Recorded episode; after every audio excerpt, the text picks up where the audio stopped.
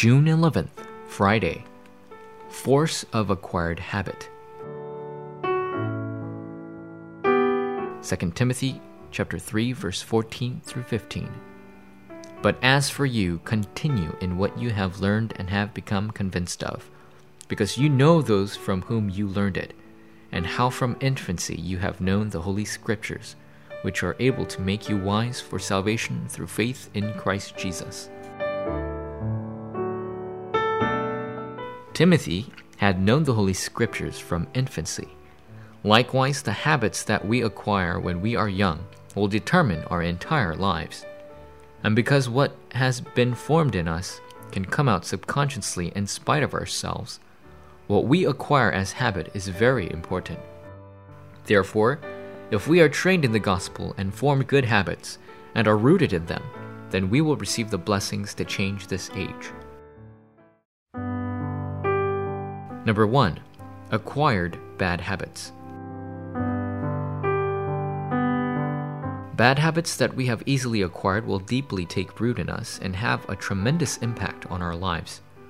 Once bad habits are formed, our life itself will be like that of a sinner, and we will be walking in the counsel of the wicked and sitting in the seat of mockers.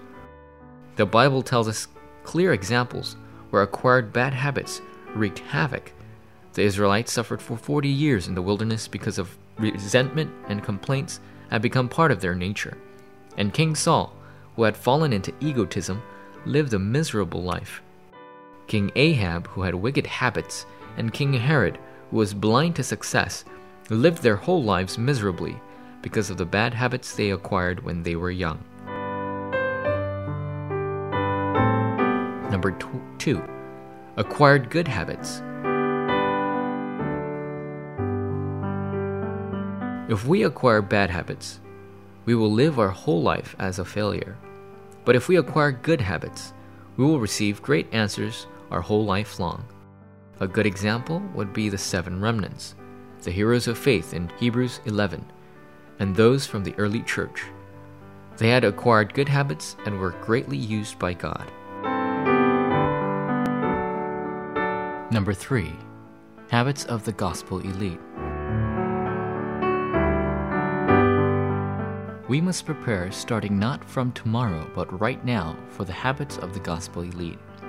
First of all, we must acquire the habit of scheduled worship, scheduled meditation, and scheduled prayer so that we can enjoy the blessing of important meetings because meetings take place through the things we have acquired.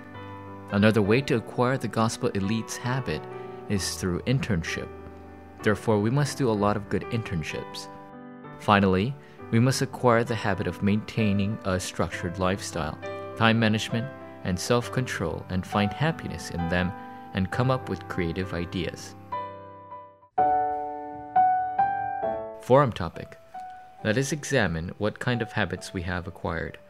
Let us break any bad habits and think about what kind of habit is a good one and challenge ourselves to acquire it.